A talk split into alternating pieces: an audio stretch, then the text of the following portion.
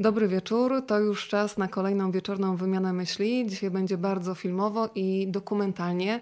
Ksabo, ksiądz Boniecki, ten dokument możecie teraz y, oglądać w kinach. Polecam z całego serca. Po drugiej stronie jest już Ola Potoczek, reżyserka tego dokumentu. Dobry wieczór. Dobry wieczór. Ola, dzisiaj y, tak naprawdę ja jestem u Ciebie, Ty jesteś u mnie i zapraszamy wszystkich, którzy są po drugiej stronie. Pewnie nas y, będą dzielić różne odległości geograficzne, ale emocjonalnie na pewno przy okazji rozmowy na temat y, tego filmu będziemy blisko. Jeżeli chodzi o księdza Adama Bonieckiego, to myślę, że to jest człowiek, którego kojarzą wszyscy, niezależnie od tego, czy są ludźmi wierzącymi i związanymi z Kościołem katolickim, czy nie.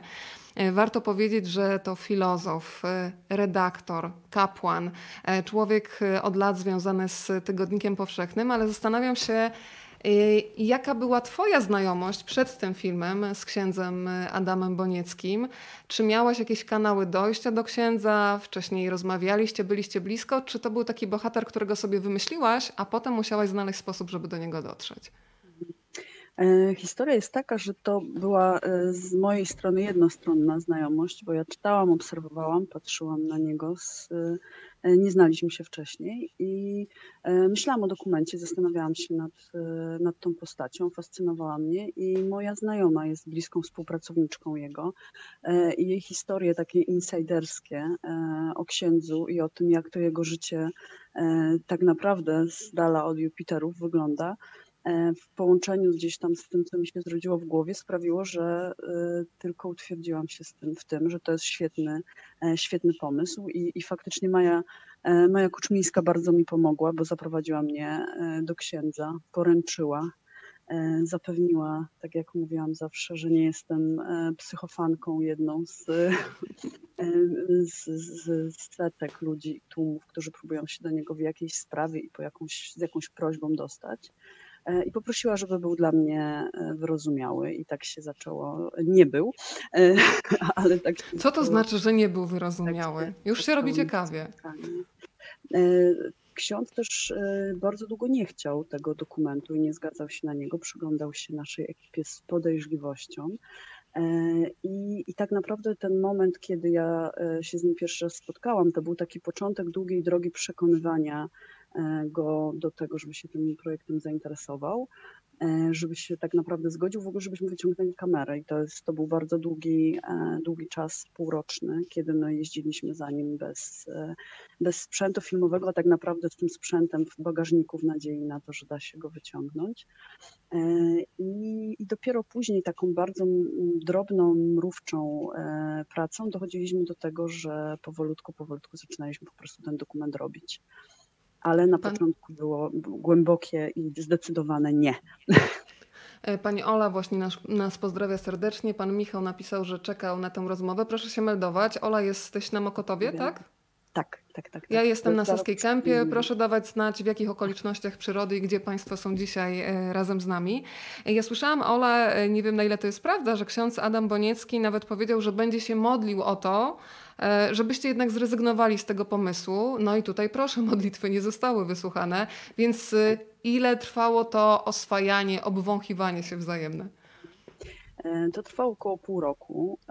Ksiądz też nas spotykał w rozmaitych miejscach. Umowa była taka, że właśnie on się będzie modlił E, za odstąpienie od pomysłu, a my możemy faktycznie, dostaliśmy taką zgodę, bo tutaj nie, nie, nie było stalkerskich zachowań, dostaliśmy taką zgodę, żeby, e, żeby z nim, e, za nim podróżować, bo też nie zawsze wiedzieliśmy, gdzie jest, tylko prosił, żeby nas nie widział, a, a my możemy je, jeździć, przyglądać się. I po pół roku wyraził taką wstępną zgodę, żebyśmy te materiały zaczęli rejestrować, ale to też nie oznaczało jeszcze takiego pełnego wejścia w film, tylko e, na początku mogliśmy gdzieś bardzo z oddali go obserwować. To był bardzo powolutki, powolny proces, e, w którym e, doszliśmy, wydaje mi się, że po jakimś roku do takiego momentu bycia zgraną ekipą i, i pracując tak w pełni dokumentalnie. Ten pierwszy rok to były takie bardzo duże podchody.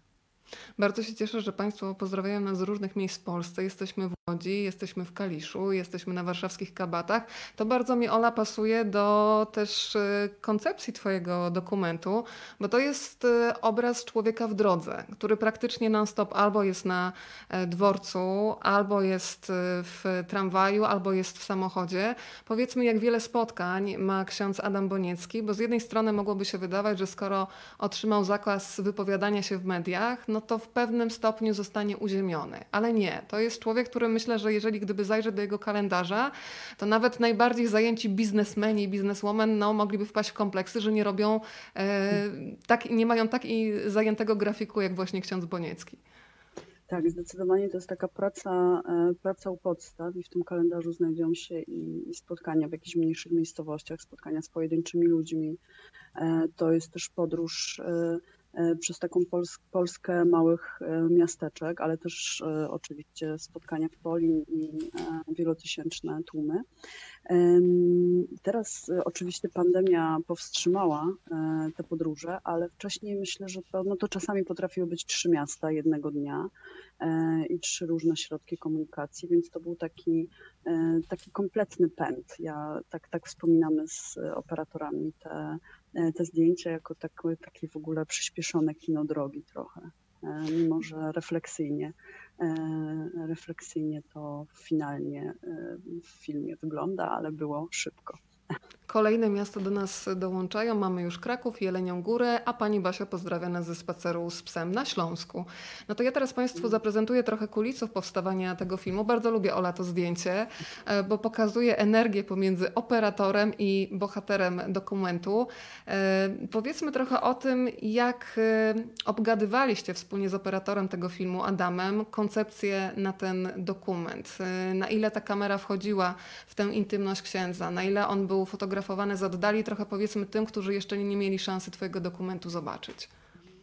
Znaczy te rozmowy z Adamem to były, przyznam, wielogodzinne i wielomiesięczne dyskusje i my praktycznie żyliśmy przez, e, przez ten okres realizacji tym filmem i to się oczywiście zmieniało w zależności od tego, jak e, zmieniało się podejście bohatera naszego do nas. Energia między operatorem a bohaterem była no, naprawdę wspaniała. To jest myślę, że unia i miłość, która pozostanie, taka szorstka miłość i uszczypliwa, ale panowie Adamowie bardzo E, bardzo się gdzieś tam e, zrozumieli i polubili na różnych poziomach poczucia humoru i jakichś e, poważniejszych dyskusji.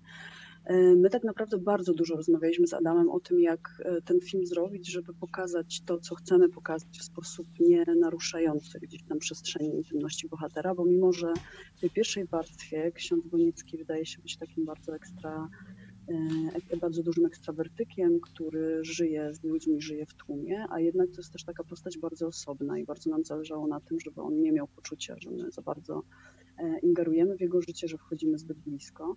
E, więc ten sposób realizacji, taki bardzo ostrożny, momentami to może, może się wydawać, że to są zdjęcia wręcz podglądane bardzo nam zależało na tym, żeby być blisko księdza i blisko tych emocji, które się wytwarzają między nim a drugim człowiekiem, który się do niego pojawia, a z drugiej strony bardzo też chcieliśmy zaznaczyć tę jego osobność, więc ta perspektywa, za, tak, tak mówiąc potocznym językiem, z zawęgła, e, a, a z drugiej strony bardzo bliskie plany i to założenie, że, że jesteśmy blisko przede wszystkim księdza, nie e, nie całe, całego spektrum całej rzeczywistości. To było właśnie dopracowywane w długich, w długich rozmowach to też muszę przyznać, że e, Adam jest e, wielkim współautorem też, też właśnie tej realizacyjnej tego, tego filmu i bardzo ja pamiętam i, i często powtarzam to zdanie do, do znudzenia, ale myślę, że to jest bardzo taka E,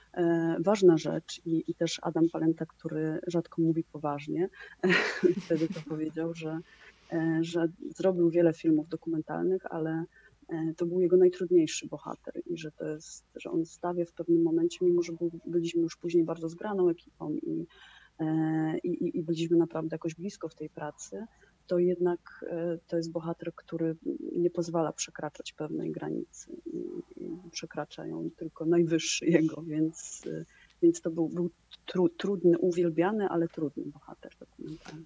Ola, to powiedz też, jak wyglądała Wasza praca? Czy to było tak, że ustalaliście, zgrywaliście swoje kalendarze z księdzem?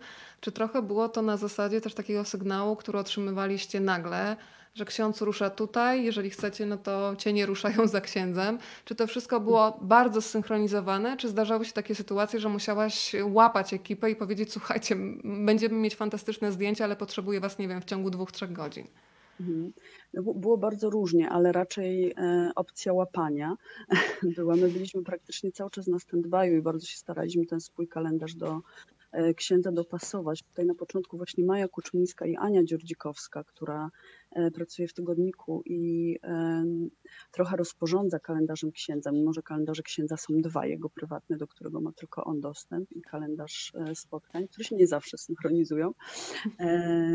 I, I, czasami wiedzieliśmy wcześniej faktycznie, gdzie jest, e, ale czasami też było tak, że e, nie było go tam, gdzie przyjeżdżaliśmy. To były rozmaite psikusy lub różne inne e, zdarzenia.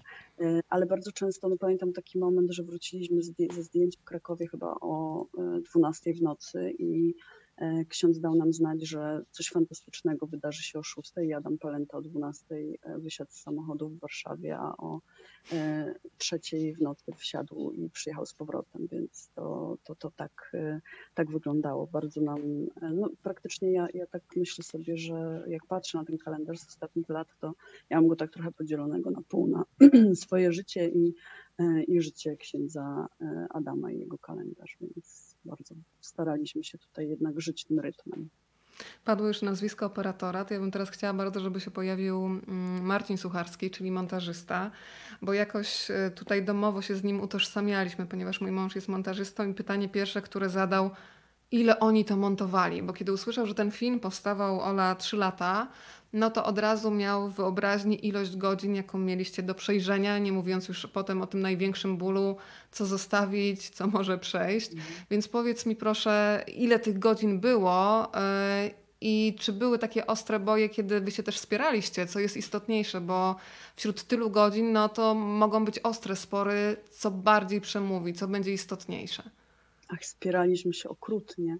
E, mimo, że oczywiście obydwoje utrzymujemy, że ani ja, ani Marcin nie mamy charakteru spierającego się, była to po prostu w pewnym momencie nieustająca, e, nie, nie, nieustająca kłótnia. E, Marcin tutaj wykonał taką koronkową pracę tak naprawdę, bo tego materiału było, my to próbowaliśmy policzyć, było ponad chyba, nie chcę się teraz pomylić, ale około 120 godzin. My też pracowaliśmy, było dwóch operatorów, Adam Palenta i Szymon Sinow, my też pracowaliśmy na mhm. dwie kamery. E, więc tego materiału był ogrom. No i montowaliśmy ten film przez pół roku, ale w takim trybie e, nie, nie takim chyba jak zwykło się montować takie produkcje, e, czyli że montowaliśmy parę dni, mieliśmy parę dni przerwy, tylko my po prostu spędziliśmy pół roku tak zwanym longiem w montażowni.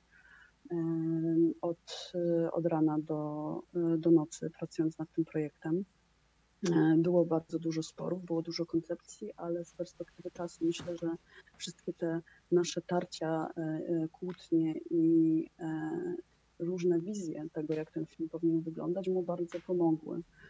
I też gdzieś tam to, co sobie wypracowaliśmy z Marcinem, i, też te nasze różnice chyba, chyba bardzo finalnie pomogły temu, temu projektowi. Więc tak, no, no Marcin dużo cierpliwości wykazał i takiej mrówczej, mrówczej pracy. Kolejne pozdrowienia, tym razem z Lubelszczyzny. Martyna Harland pisze, że poruszyło ją w tym filmie zdanie jednego z bohaterów. Coś takiego się stało, że nie wierzę już w żonę, nie wierzę w to, że mnie kocha. W dekalogu jedna z bohaterek mówi, Bóg jest to bardzo proste, jeśli się wierzy. E, zdałam sobie sprawę, że właśnie ta wiara jest najważniejsza. Nie ma miłości bez wiary z nią. Martyna, bardzo Cię pozdrawiamy. E, jeżeli chodzi o takie Właśnie to jest ten wątek, który Martyna, e, nie wiem czy świadomie, czy nie, ale teraz rozpoczęła w naszej rozmowie, bo to jest tak, że wszyscy oglądamy w kinie ten sam film, ale w każdym z nas e, zagrają trochę inne zdania, e, inne zdania, inne wątki będą najważniejsze. Ja w ogóle po tym filmie, powiem Ci Ola, najbardziej myślałam o takiej samotności we wspólnocie Bo patrzyłam na Twój film na księdza Adama Bonieckiego jako na człowieka, który jest cały czas otwarty dla ludzi, gdzie każdy otwiera się przed nim, opowiada mu najbardziej traumatyczne historie ze swojego życia, a jednocześnie on z tym wszystkim zostaje. I jest taki fragment, kiedy jest u siostry Chmielewskiej, kiedy rozmawiają o tym, że decyzja wejścia w życie zakonne E, decyzja też związana z celibatem, z konkretnymi ograniczeniami związanymi ze stanem duchownym, to też jest jednak odcięcie jakiegoś rodzaju emocjonalności, z którego oni sobie doskonale zdają sprawę. E, I to powoduje taką e, nienazwaną, ale jednak dla mnie tam było bardzo dużo samotności. Co dla ciebie, Ola, było najistotniejsze w tej opowieści, kiedy już zdecydowaliście, które wątki zostają, bo zawsze się jednak ma jakąś wizję dokumentu, w którą stronę on pójdzie, ale potem on może skręcać w przeróżne, też zaskakujące dla samego reżysera ścieżki. Co dla ciebie było najmocniejsze? Znaczy to, to w ogóle jest moja ulubiona scena, jeśli można mieć ulubione sceny ze swojego filmu. E, I ta dyskusja na ławce o, e, o tej samotności, też o takiej świadomej rezygnacji tak naprawdę z e, bycia z drugim człowiekiem, czy też bycia, bycia we wspólnocie. Ja pamiętam moment, kiedy to nagrywaliśmy i, i ja po prostu wtedy, wtedy wiedziałam, że mm, wiedziałam, że to jest to, czego mi brakowało, co bardzo chciałam opowiedzieć, zastanawiałam się, jakimi środkami, ale też myślę sobie tak o tej scenie, że y, ona jest dosyć ważna, bo ona też pokazuje, y, jaką się cenę płaci za bycie w zgodzie ze sobą. I, i nawet y, ksiądz mówi tam takie słowa, że jest się półczłowiekiem takim trochę i śmiejąc się mówi półgłówkiem. I też taka siła i odwaga w przyznaniu się do tego, że coś, co jest całym Twoim życiem, też odbiera Ci jakąś, e, e, jakąś taką dla innych ludzi nie, nie, niewyobrażalną do utraty, e, do utraty część. Więc mi też bardzo zależało na tym, mm, żeby pokazać ten element takiej samotności z wyboru i, i samotności we wspólnocie ja też trochę na tym, ten film opierałam od samego początku. Jeśli miałam jakieś intuicje, to miałam tą intuicję taką podzielenia świata na dwie części, tego świata filmowego, świata księdza. Na ten świat właśnie ludzi, e, bliskości, harmi, e, takiego harmigdru i, i na ten świat takiej samotności i wyobcowania. I, i, I gdzieś tam to były takie dwa kontrasty, wokół których ja się odbijałam przez te, przez te parę lat. E, widzę, że tutaj myślimy też równolegle, bo akurat pojawił się komentarz, widziałam film wczoraj, poruszyła mnie dogłębnie samotność księdza. E, no tak, ta, ta samotność właśnie we wspólnocie dla mnie bardzo mocny wątek tego filmu. Porozmawiajmy też o tych przyjaciołach księdza, którzy się pojawiają. E, dzisiaj rano jeszcze słuchałam sobie rozmów w TOK FM, gdzie pojawił się Bogdan de Barbaro, czyli fantastyczny, znany psychiatra i psycholog. Od lat przyjaciel księdza Adama. Czy od początku mieliście taką wizję, kto się pojawi i namawialiście tych ludzi do filmu, czy oni w pewnym stopniu się pojawiali w taki naturalny sposób, a wykorzystaliście z tej obecności i pytaliście o to, czy mogą stać się częścią tej filmowej opowieści? E, nie, absolutnie nie. To gdzieś e, to był e, motyw, który się zrodził, myślę, gdzieś w połowie realizacji tego filmu i i ta rozmowa z profesorem de Barbaro, który jest właśnie wieloletnim, jak wspomniałaś, przyjacielem księdza Adama, czy rozmowa z siostrą Chmielewską, czy, czy z Justyną Dąbrowską, to są tak naprawdę, jeśli cały czas powtarzam i mówię, że tutaj wszystko szło takim naturalnym, obserwacyjnym tokiem, to te rozmowy to były gdzieś tam nasze przez dłuższy czas intuicje. My też będąc księdzem, przebywając, widzieliśmy, kto jest mu bliski, z kim ma taką swoją intelektualną chemię. E, w przypadku siostry Chmielewskiej przypadkiem w, w Poznaniu e, zobaczyliśmy ich razem, jak zobaczyliśmy tą energię i tą meta rozmowę i moc tej rozmowy, stwierdziliśmy, że, że trzeba pomóc szczęściu i e, taką podróż zainicjować.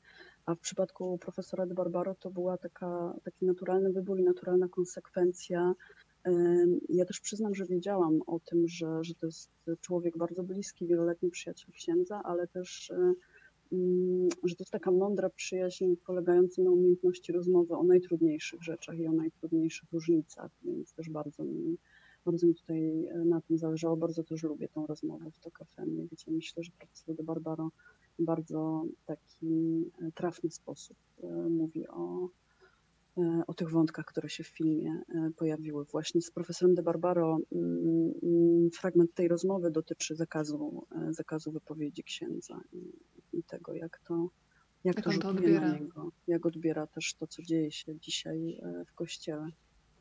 Y, Przy okazji wieczornej wymiany myśli zawsze też Państwu polecamy książki i teksty. To ja mogę Państwu i myślę, że Ola się przyłączy, polecić wszystkie rozmowy z panem profesorem Bogdanem de Barbaro, ale też Justyna Dąbrowska jest wyjątkową rozmówczynią i, i zawsze, kiedy wracam do jej książek, to też mam takie wrażenie, jakby mnie ktoś przytulił, więc jeżeli ktoś z Państwa potrzebuje takiego mentalnego przytulenia, to, to do Justyny Dąbrowskiej proszę bez dwóch zdań się zwrócić, książkowo oczywiście.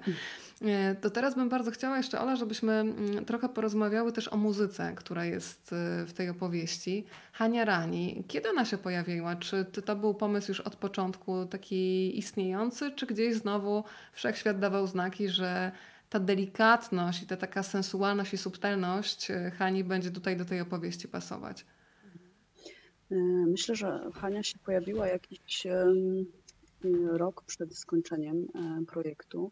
E, ja tutaj przyznam szczerze, że mm, nie mam jakiejś takiej e, jednej spójnej historii. Ja po prostu słuchałam Hani, widziałam w jaką stronę zmierza nasz dokument i, wiedziałam, że to jakoś się musi udać i że to są dwie podobne wrażliwości, dwie te same perspektywy. E, I to mi po prostu jakoś tak strasznie do siebie pasowało. I też e, e, przyznam, że wiedziałam, jak bardzo Hania jest zajęta i rozrywana, i z duszą na ramieniu się do niej zgłosiłam. Hania poprosiła wtedy o taki pierwszy, mm, pierwszą układkę, pierwszą wersję filmu i, no i zgodziła się natychmiast. Więc ja bardzo, bardzo się też ucieszyłam, bo w takich pierwszych rozmowach z nią zobaczyłam, że ona, e, to, to był też taki moment, gdzie ten film realizowałam, w ogóle nie byłam jeszcze pewna, czy to, co ja tam widzę, to będzie, e, to będzie faktycznie to, co się tym filmem uda przekazać. I, i Hania rozmawiając ze mną dokładnie w punkt rozumiała, rozumiała o co mi chodzi, więc to, to była fantastyczna współpraca, mimo że bardzo też taka pracowita, bo tą muzykę Hania e, wielokrotnie też zmieniała, my ją do, dopasowywałyśmy do, e, do, do rytmu filmu i też ta, ta wrażliwość podobna e, sprawiła, że, że, że, że w pewnym momencie bardzo, bardzo odejmowaliśmy. Ja też Hania mówiła o tym w, jednym, w jednej z rozmów, w jednym z wywiadów, że ta podobna wrażliwość zapracowała na to, że, że długo zmieniałyśmy tą muzykę pod, żeby te dwie e, piękne i podobne wrażliwości dopasować. A powiedz, jak sam zainteresowany bohater tej opowieści, ksiądz Adam Boniecki, czy na samym początku mieliście jakąś taką rozmowę na temat tego, że on na przykład będzie wymagał kolaudacji, że będzie chciał akceptować to, co ostatecznie zostanie w filmie? Czy dostałaś taką stuprocentową wolność artystyczną? e, Jestem bohaterem, obserwuj, a potem jakby zdaj relację z tego, co ty widzisz z boku. Jakie, były jakieś ustalenia, czy dostałaś pełną wolność? Dostałam pełną wolność i, e, też e, e, myślę, że to się zadziało w, w jakichś takich powolnych krokach i powolnych ruchach, bo my nigdy nie przeprowadziliśmy takiej poważnej rozmowy pod tytułem jak skończy film, to ksiądz będzie go kolaudował, powie, że ten i ten fragment mu się nie podoba, tamten się nie podoba, tylko w, w miarę jak chyba nabieraliśmy, nie wiem, bo mogę za siebie mówić tylko, ale wydaje mi się, że jak na to patrzyłam, ksiądz nabierał trochę do nas e, zaufania. Y, To nie, nie było w jakiś, w jakiś sposób wypowiedziane. Myślę, że wiedział, że my mu ten film e, po skończeniu e, oczywiście pokażemy, że, że mam nadzieję, że też czuł, że my jesteśmy po stronie, e, po stronie bohatera, a, a nie po stronie takiej, która mogłaby mm, mogłaby sprawić coś, e, coś nie wiem, przekraczającego e, jego, jego granice. E, I no, historia była taka, że my skończyliśmy film, przyszliśmy z Adamem Talentą i jego psem do, do księdza Adama i pokazaliśmy mu, pokazaliśmy mu ten film i on absolutnie jeszcze przed tą klaudacją zaznaczył, że, że nie będzie, że nie będzie ingerował i też myślę, że to jest jakoś siła e, postaci, bo w przypadku osób publicznych chyba rzadko się zdarza, żeby e, nie było czy jakiejś sugestii, cenzury. Mm, tutaj dostaliśmy pełną akceptację i pełną wolność. Słuchaj, powiedziałaś taką drobnostkę, że pojawiliście się u księdza z psem. To zastanawiam się, jaki jest stosunek księdza, bo akurat zwierzęta są, pojawiają się u siostry Małgorzaty, prawda? E, jaki jest stosunek księdza do tych e, czworonogów? Czy to jest też, nie wiem, czy ten pies był takim mm, zmiękczaczem też, że jeżeli nawet coś się księdzu nie spodoba, to przyjdziemy z psem, będzie trochę e, łatwiej negocjować co do niektórych wątków. E, nie, ja się śmieję, że to jest nieodłączny towarzysz Adama Palenty, pies. E, I, I znalazł się tam całkiem przypadkiem, bez chyba intencji zmiękczania, ale jest to dobra myśl. Postaram się jakoś na przyszłość wykorzystać. E, nie, no ksiądz się bardzo śmiał z, z towarzysza Adama, z, z, tego psiaka, bo on całą projekcję, my zestresowani siedzieliśmy koło księdza, pies całą projekcję przysiedział tyłem do ekranu z, z mordą na e, e, prawie że tutaj przy, przy stopach księdza, więc nie był zainteresowany naszą projekcją. Ale faktycznie ja bardzo lubię ten, e, ten zwierzyniec cały, który jest w scenie z siostrą Chmielewską i, i widać, że, że oni po prostu lgną totalnie, chodzą krok w krok za, za tą dwójką bohaterów, więc nie wiem jaki jest mm, taki deklaratywny stosunek do, do zwierząt księdza, ale wydaje mi się, że, że podobnie jak do ludzi. Proszę się tutaj przyjrzeć dokładnie. Z zatrawy taka mordka y, wystaje, bardzo tutaj ciekawska i tam się kręcąca przy ławce, nawet na tym zdjęciu, jako, mm, to jest katro oczywiście z filmu, Ksabo Ksiądz Boniecki. E, a powiedz, jaka była ta reakcja zaraz po, czyli kończy się mm, seans, wasza projekcja jeszcze taka wewnętrzna, pojawiają się napisy końcowe, no i trzeba spojrzeć na twarz księdza Adama Bonieckiego, nawet zanim padną pierwsze słowa. Co widzisz na tej twarzy, szczerze? Yy, ja widziałam na tej twarzy taką. Ciężko mi jakoś mówić o tym, bo to jest też jeden z najtrudniejszych momentów moich w realizacji tego filmu. Ja myślę, że jeśli można mówić o jakichś stanach przedzawałowych, to w moim przypadku to było wtedy. Mhm. Ale widziałam jakąś taką, nie wiem czy ulga to jest dobre, ale wzruszenie też na pewno. E, I takie zadziwienie, bo mm, ksiądz cały czas powtarzał, że on tak się ciągnął i tak jakby siadł obok i oglądał ten film, jakby to nie był film o nim. E, I, i też powiedział, nawet zadzwoniliśmy do, do montażysty naszego, e, który nie mógł być na miejscu i który znał księdza z ciemnej montażowni. E, I ksiądz też powiedział, że, że ten film będzie, jak jego nie będzie. I to gdzieś było jakieś takie bardzo dla nas wzruszające, wzruszające słowa. Później ta recepcja filmu się zmieniała, bo, bo też Później ksiądz przyznał, że nie jest łatwo patrzeć na siebie e, i, e, i że on nie lubi siebie oglądać na ekranie. Mm, a ostatnio byliśmy e, jakiś czas temu już na takiej projekcji zamkniętej w sali kinowej, gdzie ksiądz przyznał, że no po którymś razie już to całkiem komfortowo.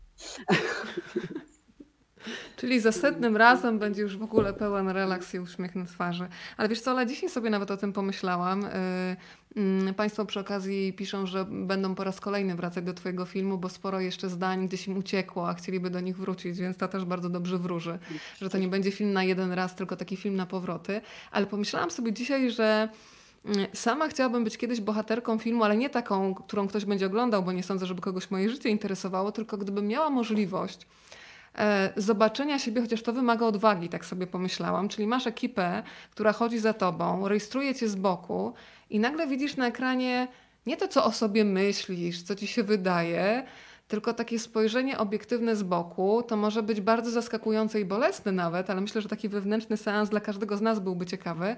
I tu zmierzam do pytania do ciebie, Ola. E, czy sama w ogóle, gdyby ktoś się uparł, tak jak ty się uparłaś na księdza, żeby przygotować dla ciebie nawet taki wewnętrzny pokaz, czy miałabyś w sobie odwagę? Bo ja uważam, że to jest odwaga stać się bohaterem dokumentu, kiedy daje się komuś całkowitą wolność, e, no i zobaczyć potem, jak ktoś widzi Ole Potoczek na ekranie. Czy ja myślę, że ja bym się na milion procent nie zgodziła. Od razu? E, tak, od razu. Nie, jakoś e, też e, przypominam sobie takie, no myślę, że trzeba dobierać według zasług bohaterów dokumentu albo według ciekawych, ciekawego życia, więc dlatego bym się nie zgodziła, ale... Ale wiesz, chodzi mi o taki wewnętrzny ale... pokaz, ja też bym się nie pchała, wiesz, bo tak jak powiedziałam, nie sądzę, żeby kogoś moje życie interesowało, tylko gdybym miała szansę zobaczyć to, jak ja się zachowuję widziana, wiesz, czyimiś oczami, bo to też jest, zresztą jest Tak, taki to piękny fragment w twoim filmie, że rozmowa z drugim człowiekiem nas wydobywa na powierzchnię, że czasami nazwanie czegoś właśnie, takie zmaterializowanie powoduje, że pewne rzeczy, które, nie wiem, spychamy gdzieś do podświadomości albo udajemy, że ich nie ma, one nagle stają się bardzo wyraźne i materialne. Na wewnętrzne potrzeby myślę, że tak, że chętnie bym się zgodziła, chociaż e, smutek mógł być wiel- wielki i długo można by się było wydobywać pewnie później z, taki, e, e, z takiego pokazu. Ale też ja tak, jak tak naprawdę zawsze też podkreślam to, że, że to jest gdzieś tam, bardzo się starałam, żeby to było obiektywne, ale jednak ten film dokumentalny to jest zawsze film i, i myślę, że to jest po prostu gdzieś tam moje i mojej ekipy spojrzenie i widzenie, e, widzenie księdza, więc e, e, tak, tak, tak go zawsze mm, pocieszam, że, że, że, że być może nie, nie, nie traktuję tego jako jedyny słuszny obraz, obraz tego człowieka. Za chwilę bardzo ważny wątek tej opowieści, czyli poczucie humoru, ale wcześniej jeszcze pytanie od Państwa. Jeżeli nie powiedziałam, to teraz mówię, że oczywiście Państwo się w każdej chwili mogą włączyć do tego spotkania. E, Spontanicznie y, mam nadzieję, że tutaj dużo łatwiej zadać pytanie niż na przykład na takim spotkaniu face to face, kiedy trzeba mieć mikrofon w ręce, bo to zawsze trochę onieśmiela. I Pani Maria pyta, jak technicznie wyglądało nagrywanie? E, To już chyba mówiłeś, jak, um- jak umawialiście się na nagrania, kiedy i gdzie jedziecie z księdzem Adamem e, Bonieckim. Trochę już o tym mówiłaś, Ola, to widzę, że pani Maria trochę później chyba dołączyła, to i jeszcze gdybyś mogła tak esencjonalnie w skrócie powtórzyć. E, Mieliśmy wielu podpowiadaczy i takich pomocników, którzy znali e, kalendarz księdza. E, Czasami to były dwie, czasami to było kilka osób i to pierwszy rok to było takie trochę śledztwo. Jeździliśmy z ryzykiem, że, że go nie zostaniemy, a później już umawialiśmy się z nim e, praktycznie. No i on po, po jakimś dłuższym czasie, po roku zgodził się też na e, zamontowanie mikroportu, więc e, e, my gdzieś tam, tak jak on mówił, byliśmy jego, jego cieniem i spacerowaliśmy za nim, on sobie po prostu żył swoje życie, czasami nawet zapominając o nas, więc tak początki realizacji tak wyglądały. Mamy trochę zdjęć z Gutek Film, tutaj fotografię Grażyny Makary i tutaj widać e, uśmiechniętego księdza Adama Bonieckiego. Przyznam Ola, że bardzo lubię mm, scenę w Twoim filmie, e, w której ksiądz Adam Boniecki podpisuje w książkach dedykację. Nie wiem, czy dokładnie powtórzę, ale mówi coś takiego, no coś pani, ale co mi ksiądz napisał? No napisałem i co tam ksiądz mówi, że lepiej zjeść i zwymiotować, niż by miało się zmarnować. Więc jakby kompletnie e, tą, tą taką, zawsze kiedy myślimy o księdzu Bonieckim, to na pomniku i że to będzie takie uduchowione. I słuchaj, od razu mi się przypomniała opowieść e, Michała Rusinka, który opowiadał, że Wisława Szymborska, kiedy były przyjęcia, jakoś atmosfera tak siadała, to miała taką na przykład nakręcaną e, zakonnicę, którą puszczała przez środek stołu, ale też kiedyś podobno wyskoczyła z, z hasłem, to Jerzy Ik też mi o tym wspominał, a wiedzą Państwo, że mnie kiedyś obrzygał Broniewski, a potem zapytał, a pani czemu taka smutna? I to był mniej więcej ten poziom kompletnie jakby niepasujących opowieści do człowieka. Tam zresztą jest kilka takich scen, kiedy ksiądz zaczyna opowiadać kawał, a ludzie są tak przejęci tym poważnym wydarzeniem, że nawet nie są ciekawi tej puenty. Więc powiedzmy też trochę o tym poczuciu humoru, który czasami powoduje, że no te wszystkie takie poważne tony da się w jednej chwili rozładować i pokazać, że to nie jest pomnik, to nie jest ksią- ksiądz, który, z którym nie można normalnie porozmawiać, tylko nawiązać właśnie w dość prosty sposób, można nawiązać taką relację partnerską. Czy, du- czy więcej było takich y, momentów humorystycznych, które gdzieś tam teraz w montażowni u Marcina są? Tak, momen- momentów było bardzo dużo, nawet się bardzo pilnowaliśmy w pewnym momencie, żeby nie zaśmiać tego filmu, bo faktycznie poczucie humoru księdza się skrzy na każdym kroku i ofiarami tego poczucia humoru też nieraz byliśmy. E, I myślę sobie, że, e, że właśnie to jest gdzieś tam najbardziej obezwładniające dla... A jak się zostaje ofiarą poczucia humoru księdza Bonieckiego? Słuchaj, bo roz, tutaj wiesz, rozpalasz moją ciekawość. Nie, no ja później już nie, ale na początku wie, wie, wielokrotnie w, przy współudziale operatora e, robili mi różne, różne psikusy, bardzo często mnie wkręcali, że ja oczywiście przy całej realizacji starałam się być bardzo, e, bardzo taka właśnie nie, nie ingerująca, uważna na księdza, a wielokrotnie zostałam wkręcona w to, że ksiądz właśnie uznał, że przekroczyłam granicę jego człowieczeństwa, stawiając tutaj kamerę, on właśnie odchodzi. Więc, e, Kolejne stany przedzawałowe. radości jednego i drugiego z panów. Ale myślę, że właśnie to, to, to ksiądz ma taką umiejętność bardzo dobrą takiego rozbijania patosu. Myślę, że i patos, i to jest też coś, co powiedział, że, że jakoś mu się spodobało w tym naszym filmie, że on nie jest moralizatorski, nie jest pouczający. I, i moment, w którym tam pamiętam, że ta pani mówi, że prosi o jakąś taką myśl uduchowioną, wrażliwą, jakąś to, tutaj te piękne słowa i, i wtedy w księdzu e, wtedy właśnie padła ta, e, ta sentencja o wyższości jedzenia nad wymiotowaniem. E, I wiem, że ksiądz ma coś takiego w sobie, że natychmiast uruchamia po prostu przy przekroczeniu jakiejś granicy czułości, patosu, czy, czy, czy takiego traktowania go właśnie w nimbie glorii i chwały. Natychmiast pojawia się to takie bezlitosne i super zabawne poczucie humoru. Ola, mogę Cię prosić o trochę bliżej mikrofonu, jeżeli mogę. O, super. E, a ja w, e, Państwu pokażę fragmenty e, filmu. Fragmenty tutaj będziemy, oczywiście my będziemy z OFU, więc muzyki Państwo nie będą słyszeć, więc trochę kadrów nam się tutaj, oj, momencik już pokażę. Natomiast ja bym chciała, Ola, żebyś powiedziała jeszcze trochę o samym powstawaniu filmu, bo przecież gdyby nie pomoc zainteresowanych ludzi, no to nie udałoby się zebrać takiej kwoty. Tam na końcu, na napisach y, końcowych jest y, troszeczkę mm, nazwisk, ale też bardzo dużo takich y, anonimowych darczyńców, prawda? Tak, tak, tak. My w, w pewnym momencie uznaliśmy, że musimy ten film, że to, że to już jest moment, żeby ten film skończyć po, po tych dwóch latach i i że chcemy, żeby on powstał teraz i że teraz jest potrzebny. E, I tak naprawdę, mimo że mieliśmy jakieś finansowania z e, krakowskiego e, funduszu filmowego, mieliśmy koproducentów, zdecydowaliśmy się też w pewnym momencie na crowdfunding. I, ta, to nas bardzo zaskoczyło, bo praktycznie w 7 dni zebraliśmy potrzebną kwotę na, na skończenie filmu i, i też razem z producentami postanowiliśmy wszystkim tym osobom w napisach e, podziękować i uznać ich za współproducentów tego, e, tego filmu. To było z jednej strony bardzo taka, taki duży też sygnał dla nas, że jest bardzo dużo ludzi, którzy chcą takiego filmu. Rzadko się zdarza, żeby w trakcie robienia filmu e, wiedzieć, że, że jest sporo osób, które na niego czeka i odczuwać taką presję w związku z tym. O to właśnie chciałam zapytać, bo to jest coś takiego, że już masz świadomość, że zaufało ci naprawdę tysiące osób, bo to widzisz y, po konkretnych y, wpłatach. Więc powiedz o takich najtrudniejszych momentach w życiu reżysera, reżysera filmów dokumentalnych, bo to jest bardzo pociągająca działka filmowa, ale wielokrotnie zastanawiałam się nad tym i stwierdziłam, że ja bym psychicznie nie dała rady bo non-stop bym roztrząsała, czy to, co pokaże, zmieni życie tego bohatera, czy nie za dużo.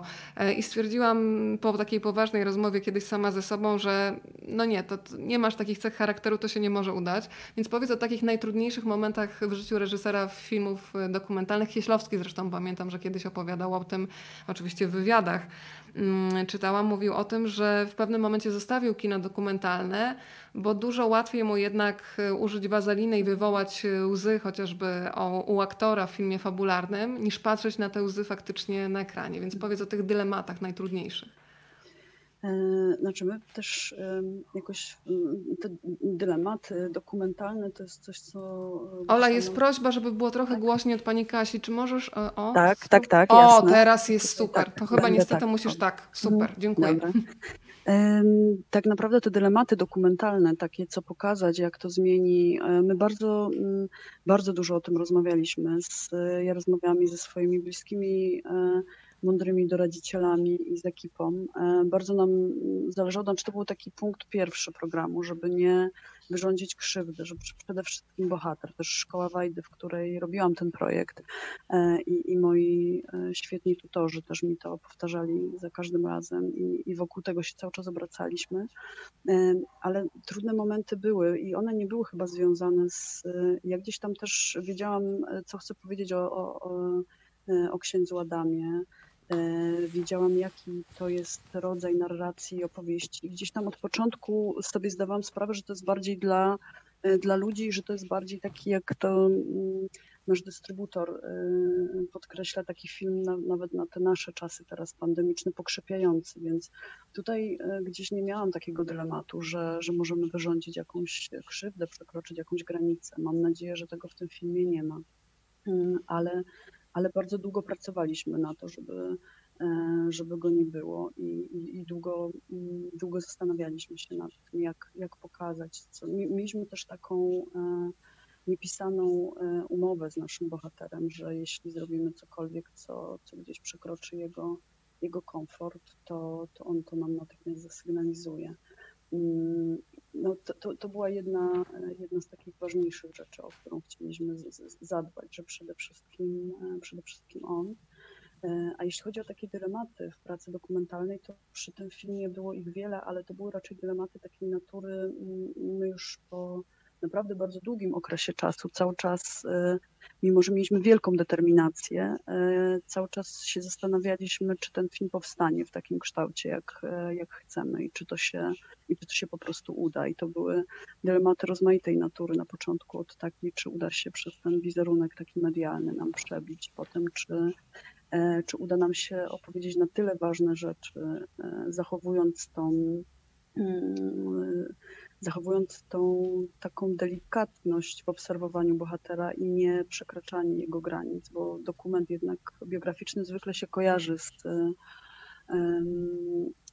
z opowiadaniem czegoś nowego, sensacyjnego, gdzieś z odzieraniem z takiej prywatności. My gdzieś z tego wszystkiego zrezygnowaliśmy i zastanawialiśmy się, na ile e, tą ważną, ważną opowieść, którą mieliśmy w głowie z, z Adamem, uda nam się uchwycić. E, więc te dylematy dotyczące filmu nam towarzyszyły praktycznie do ostatniego dnia e, i to były takie trochę męki. Mm, więc mogłabym bardzo długo o tym opowiadać, ale. Są męki, ale są też nagrody. Ja od razu muszę Państwu powiedzieć, że film Ksabo Ksiądz Boniecki został uhonorowany na 60. Krakowskim Festiwalu Filmowym Nagrodą imienia Macieja Szumowskiego za szczególną wrażliwość e, na sprawy społeczne. A powiedz Ola już e, po projekcji. Zawsze to jest taki moment, kiedy no jest nowe dziecko w sensie projektu nowego, ono idzie sobie w świat i potem wraca z różnymi recenzjami. Jakie słowa były dla Ciebie najważniejsze? Z jakich miejsc, z jakich środowisk y, docierały? Bo no siłą rzeczy potem człowiek jest bardzo ciekawy, jak to, co, nad czym pracował trzy lata, gdzieś potem działa i, i, i jakby rezonuje z emocjami ludzi. Co usłyszałaś? Mhm. Znaczy, e, dla mnie chyba dwie rzeczy były takie naj, najważniejsze. Ja na początku, jak e, zaczynaliśmy robić ten film, śmiałam się, że e, chyba z braku argumentów i takiego swojego założenia, że nie będę księdza przekonywać jakimiś wizjami wspaniałej pracy, o której tak naprawdę wiem, że jest w toku i nie wiem, jak ona się skończy. Cały czas mu powtarzałam, że to będzie film, który będzie ważny dla ludzi, że żeby on sobie wyobraził, że tak jak ci ludzie przychodzą z nim na spotkania, tak później będą oglądać ten film. I i bardzo mnie ucieszyło to, że, że faktycznie taka, tak, takie zwrotne do mnie trafiają, że też trafiają do mnie takie wypowiedzi, które mówią, że każdy sobie coś innego z tego filmu bierze i to mnie, to mnie też cieszy. I bardzo mnie tak naprawdę gdzieś cieszyły też te, te słowa, ja tutaj dobrze utrafiłaś w, w jakieś moje bolączki, bo ja bardzo mm, z natury swojej jestem takim typem e, chyba nie, nie, nie, za dobrym na dokumentalnego reżysera. Bardzo przeżywałam i martwiłam się właśnie rozmaitymi e, e, historiami, czy nie przekroczymy jakieś granice, czy ten bohater będzie wystarczająco zaopiekowany. I te głosy, Cały czas przypominam, żebyś miała ten tak, tak, mikrofon. Tak. O, super. Tak, mhm. te głosy, które do nas trafiały, że jednak ten film jest zrealizowany w taki sposób gdzieś tam delikatny, obserwacyjny, w trosce o bohatera też mnie też mnie jakoś, e, jakoś cieszyły. I no, dla, dla, mnie najważniejsza zwrotna jest taka, że to jest film ważny dla, e, dla wielu ludzi, że coś, że i jakoś w nich zostaje. Głupio mi jest mówić o dobrych rzeczach, które, które i tak się samo chwalić, ale, ale to, to, jest, to mnie cieszy, że ten film jakoś pracuje w, w ludziach i, i, i to jest fajne. Ja myślę, Ola, że w tej opowieści w pewnym sensie wy jesteście kompatybilni z księdzem Adamem Bonieckim, e, bo on e, właśnie nie ma w sobie niczego z takiego celebryty, z człowieka, który lubi być w centrum, tylko mu się pewne rzeczy przydarzają jak gdyby mimochodem, e, bo on w sobie ma taki magnes, że to ludzie chcą go słuchać i on wcale nie musi krzyczeć, podnosi głos, on może mówić spokojnym szeptem wręcz, żeby ludzie wręcz się zatrzymywali, żeby go usłyszeć. Zastanawiam się, ile z tego spotkania, bo z jednej strony no to, to jest projekt filmowy, który miałaś do wykonania, ale zastanawiam się, ile też z tego spotkania takiego czysto prywatnego bierzesz dla siebie. E, ja bardzo e, lubię te słowa, kiedy ksiądz mówi, zapytany przez jedną z osób, co robić, kiedy no, człowiekowi jakoś nie udaje się być tak dobrym, jakby chciał? I to jest pewnie pytanie, z którym się wielu z nas zmaga. E, I ksiądz mówi prostą rzecz, że trzeba się ze sobą pogodzić, że bardzo często my sobie wymyślamy samych siebie jakichś takich idealnych, e, a mamy paskudne cechy e, i gdzieś ta niebezpieczna część naszej osobowości jest w każdym z nas. No i nie należy się też dziwić, że ona po prostu od czasu do czasu wychodzi na wierzch.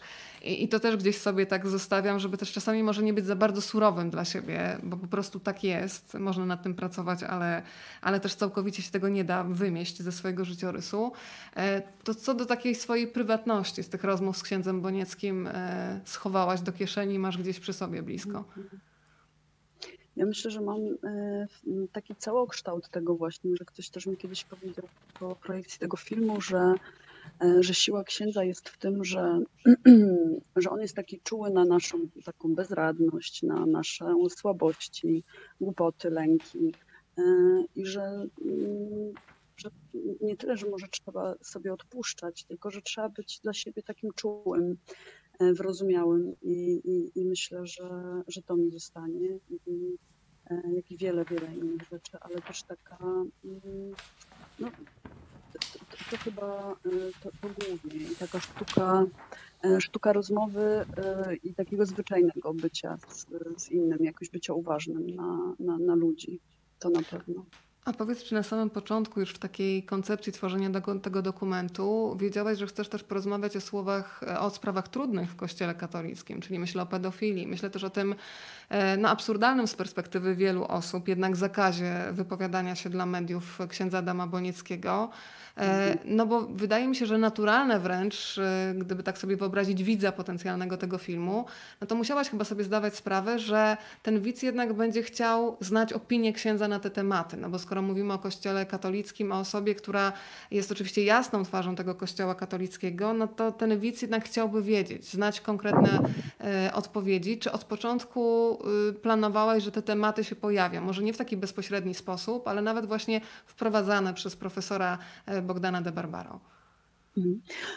Znaczy ja wiedziałam, że, że one się pojawią, bo gdzieś tam całe to te ostatnie trzy lata, kiedy towarzyszyliśmy księdzu z kamerą, ten jego tryb życia jest konsekwencją e, tego zakazu. Jest, e, on też z nim żyje cały czas e, na co dzień w jego cieniu. Więc ja wiedziałam, że ona, ja miałam taki stosunek do tego, że bardzo mi, z jednej strony bardzo mi zależało, a z drugiej miałam taką w sobie jakąś złość i niezgodę na to, żeby ten temat zdominował film.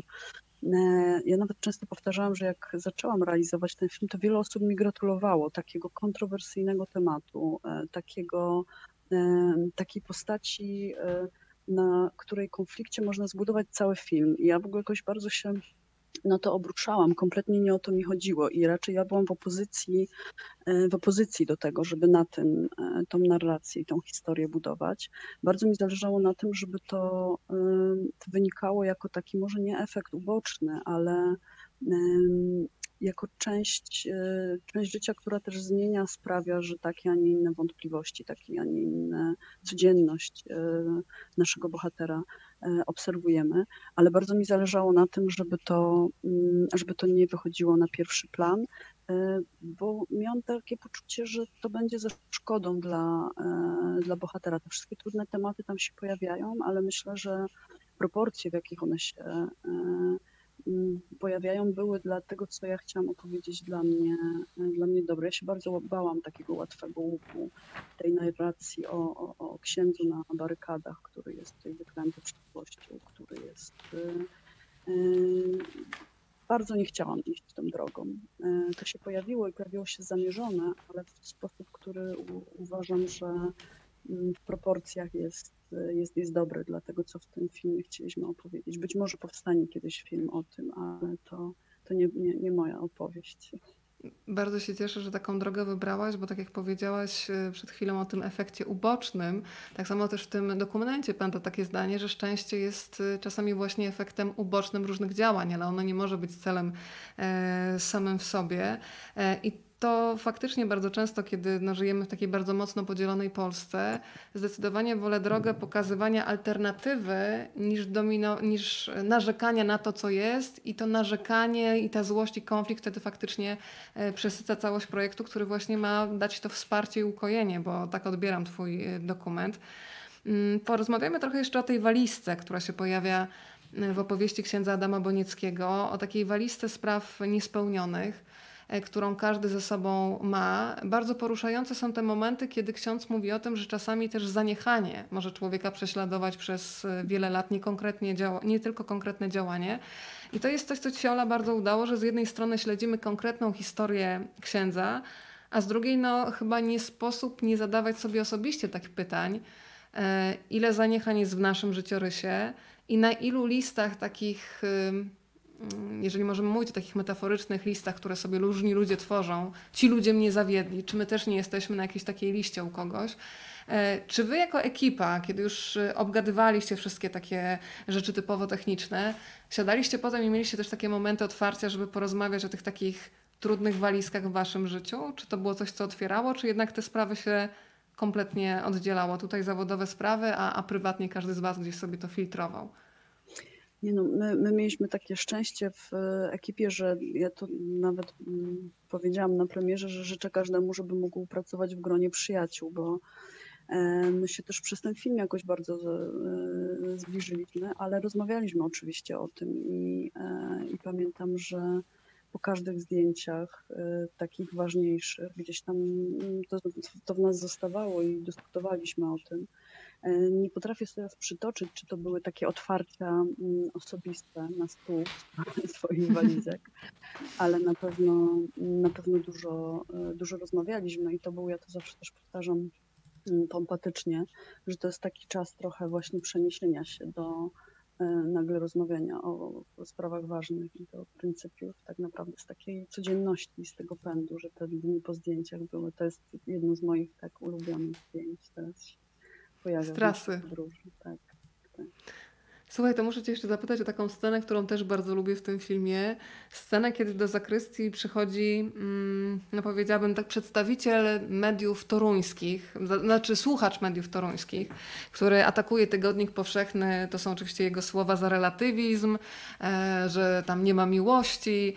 E, no i cudowne jest pytanie, które zadaje księdzu, czy na pewno ci ludzie przyjmują komunię świętą? E, ksiądz już w takim zirytowaniu, zdenerwowaniu, też jakby wiedząc, że no niektórych nie jest w stanie przekonać, macha ręką i mówi tak, tak, trzy razy dziennie i wychodzi. I jak dużo było takich momentów, kiedy obserwowaliście księdza, który też w pewnym momencie wywiesza białą flagę, składa broń, ponieważ wie, że czasami szkoda jednak energii na przekonywanie kogoś, e, w czyimś światopoglądzie no, otwartość w religii kompletnie się nie mieści. Jak często obserwowałaś taki rodzaj zniecierpliwienia, e, nad którym też ksiądz e, no, musi pracować, czasami po prostu zamyka to żartem, gdzie ta druga strona mm. nawet nie ma świadomości, no, że to jest żart, ponieważ ma te klapki na oczach bardzo mocno.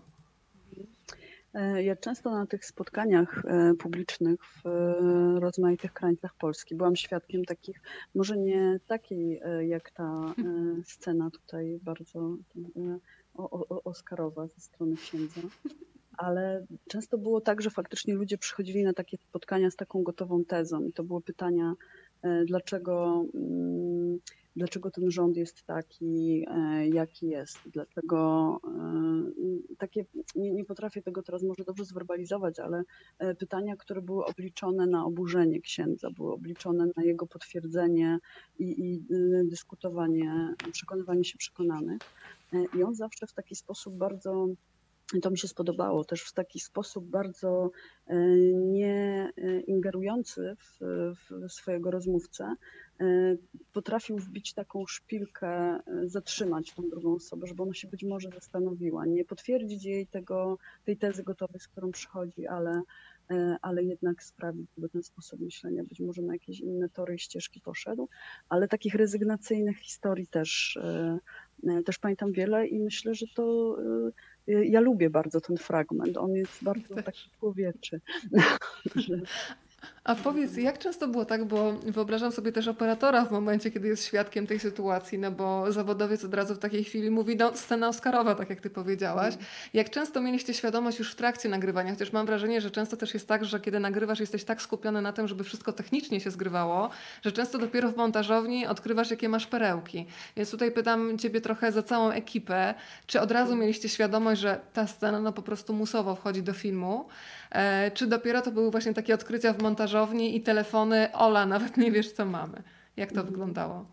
Takich telefonów od Marcina z montażowni było też e, sporo. Ja na przykład wiedziałam, e, wiedzieliśmy na pewno z ekipą i wymienialiśmy tylko e, spojrzenia coraz bardziej okrągłych oczu w scenie z siostrą Chmielewską i widzieliśmy, że cokolwiek się stanie, to, to się musi pojawić w filmie. Ale na przykład pamiętam, że tę scenę mieliśmy już wymontowaną i nie, nie chcę tu spoilerować, ale końcówka tej sceny e, z otrzepaniem skuterka z sierści wynalazł w jakichś meandrach po prostu e, materiałów Marcin właśnie gdzieś z trzeciej kamery, z którejś ścieżki i właśnie zadzwonił z montażownią, że oto tu mamy taki skarb puentujący. I takich, takich fragmentów było dużo, ale generalnie raczej ta intuicja nas nie zawodziła, mm, że część tych materiałów, które Myślę, że 70-80% już widzieliśmy po zdjęciach, że, że, to jest, że to jest to.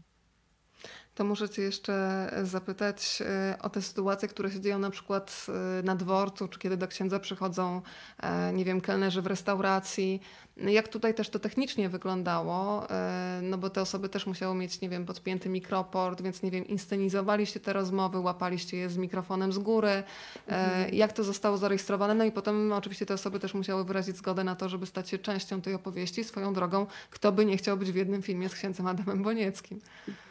Nie, to tutaj e, muszę przyznać, że nie było absolutnie żadnej inscenizacji i to są wielkie słowa uznania dla Tomka Kochana, naszego dźwiękowca, e, który rozmaite ekwilibrystyki z e, tyczkami i z różny, rozmaitymi źródłami dźwięku mieliśmy. No, faktycznie fabularny dźwięk na, na planie, ale też reżysera dźwięku Roberta Docewa, który tak naprawdę wszystkie rozmowy, które Państwo zobaczą w filmie, jedyną osobą, która miała przypięty mikroport był ksiądz Boniecki, a cała reszta to jest dźwięk, który został złapany gdzieś z e, źródeł mikroportu, które on miał przy sobie i wyciągnięty później. To wielka sztuka, panowie. Ukłony wielkie faktycznie w stronę dźwiękowców w takim razie. Dobrze znać też kulisy powstawania, ale Pytanie jest, słuchaj, od pani Izabeli, czy film się ukaże na DVD? Y, to jest bardzo ważne pytanie, bo skoro państwo już teraz mówią, że mają ochotę wrócić, no to to by był bardzo y, prosty i ciekawy sposób na to, żeby tych powrotów było wiele. Jest taki plan, czy nie? Y, na razie jesteśmy w takim planie dystrybucyjnym, kinowym. Jeszcze kilka, kilka etapów dróg przed nami i festiwali, ale myślę, że być może w jakimś późniejszym terminie tak, chociaż to pewnie jeszcze, jeszcze moment. E, państwo też dzielą się kolejnymi wrażeniami dotyczącymi filmu. Pani Maria pisze, że dla niej był bardzo wzruszający moment e, opłakania rodziny.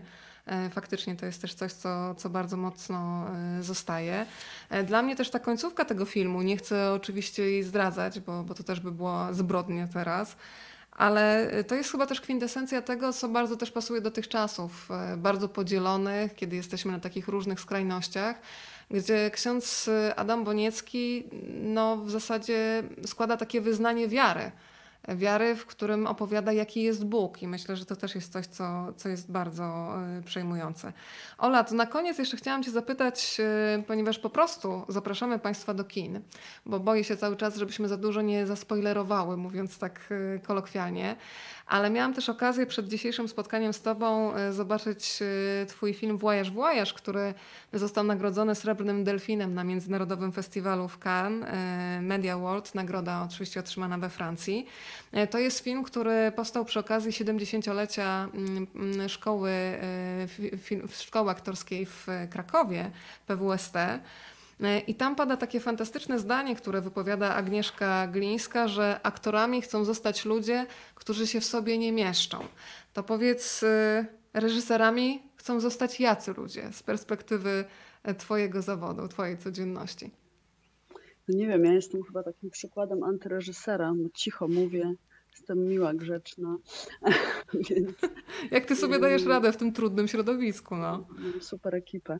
E, ale y, tak sobie myślę, że nie wiem, no ja bardzo, e, bardzo po prostu e, kocham opowiadać historię i chyba nie mam innej innej odpowiedzi na, na to pytanie. Te słowa Agnieszki Glińskiej bardzo lubię. To był przez długi, długi moment pomysł na tytuł tego filmu. Ludzie, którzy się w sobie nie mieszczą.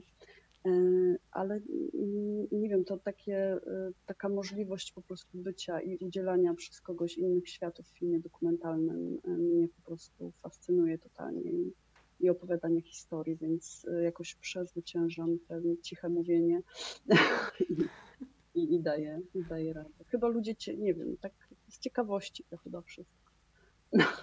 Pytanie jeszcze od pani Marii. Dlaczego ktoś, kto ma coś mądrego i ważnego do powiedzenia, musi milczeć? No to jest pytanie, które towarzyszyło chyba wszystkim, e, waszej ekipie też.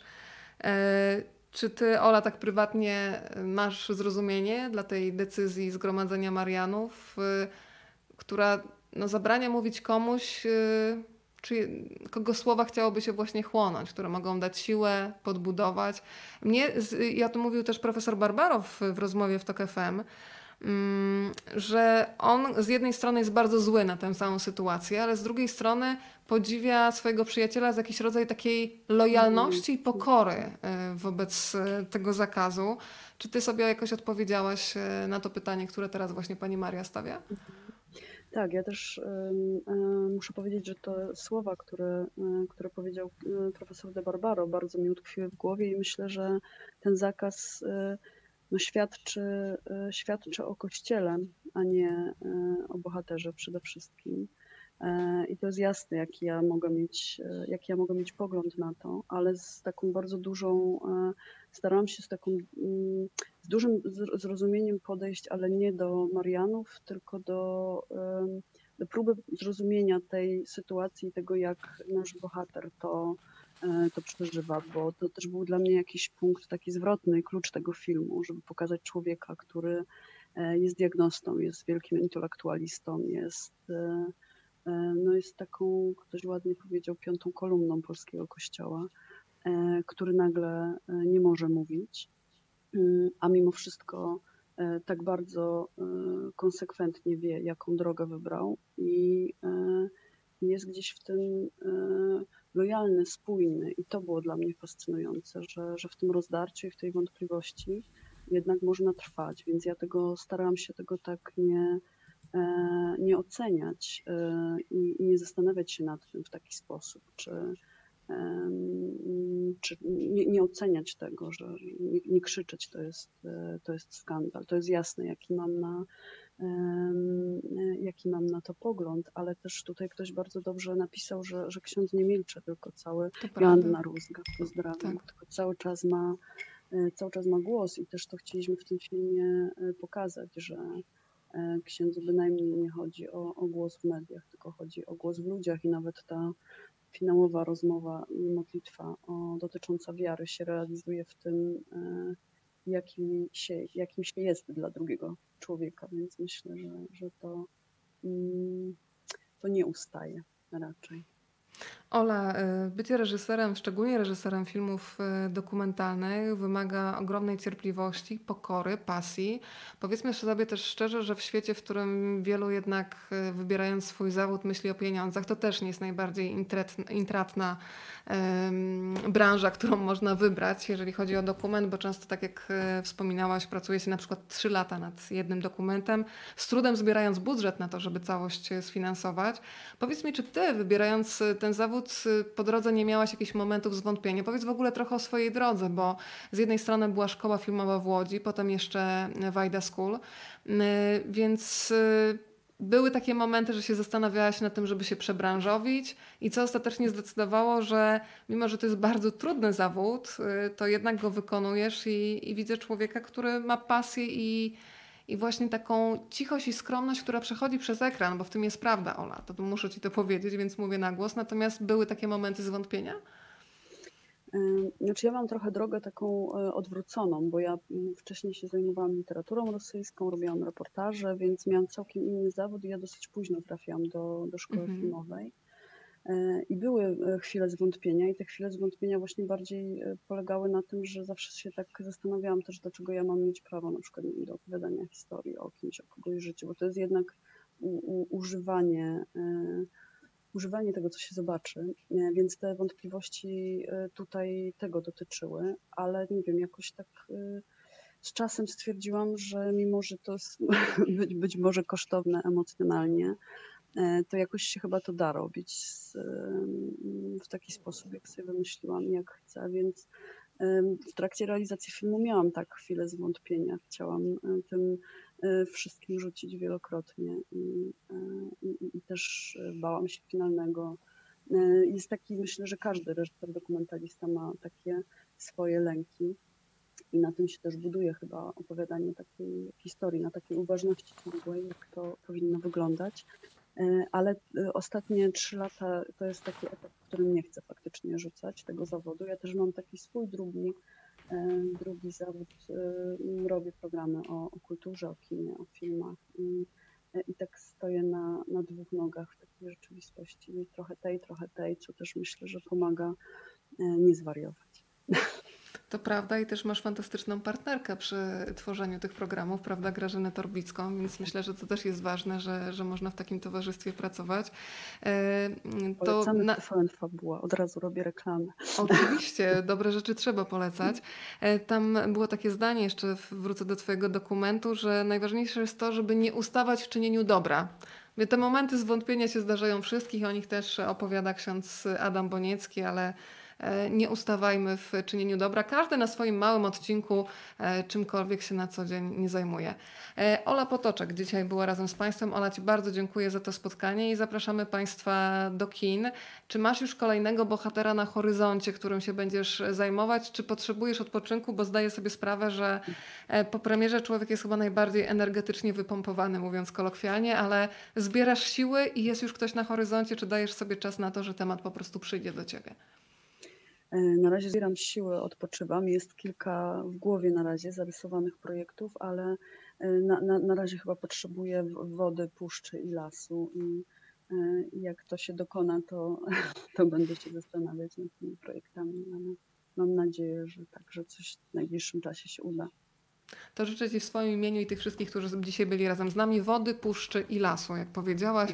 E, odpoczywaj i mm, kolejne dokumenty dla nas twórz. A w ogóle przewidujesz, że kiedyś na przykład wskoczysz na fabułę? Czy ta dokumentalna droga to, to jest jakiś etap, czy, czy taka stała Nie, droga? Nie mam, nie mam takiej. Wiem, że to jest jakaś taka naturalna droga i często koledzy, y, którzy reżyserują dokumenty, mają y, takie fabularne. Ja na razie nie. Na razie nie. Jakoś to prawdziwe życie mnie chyba bardziej, y, bardziej pociąga. Może nieprzewidywalność, też przemyślę to sobie, ale na razie nie.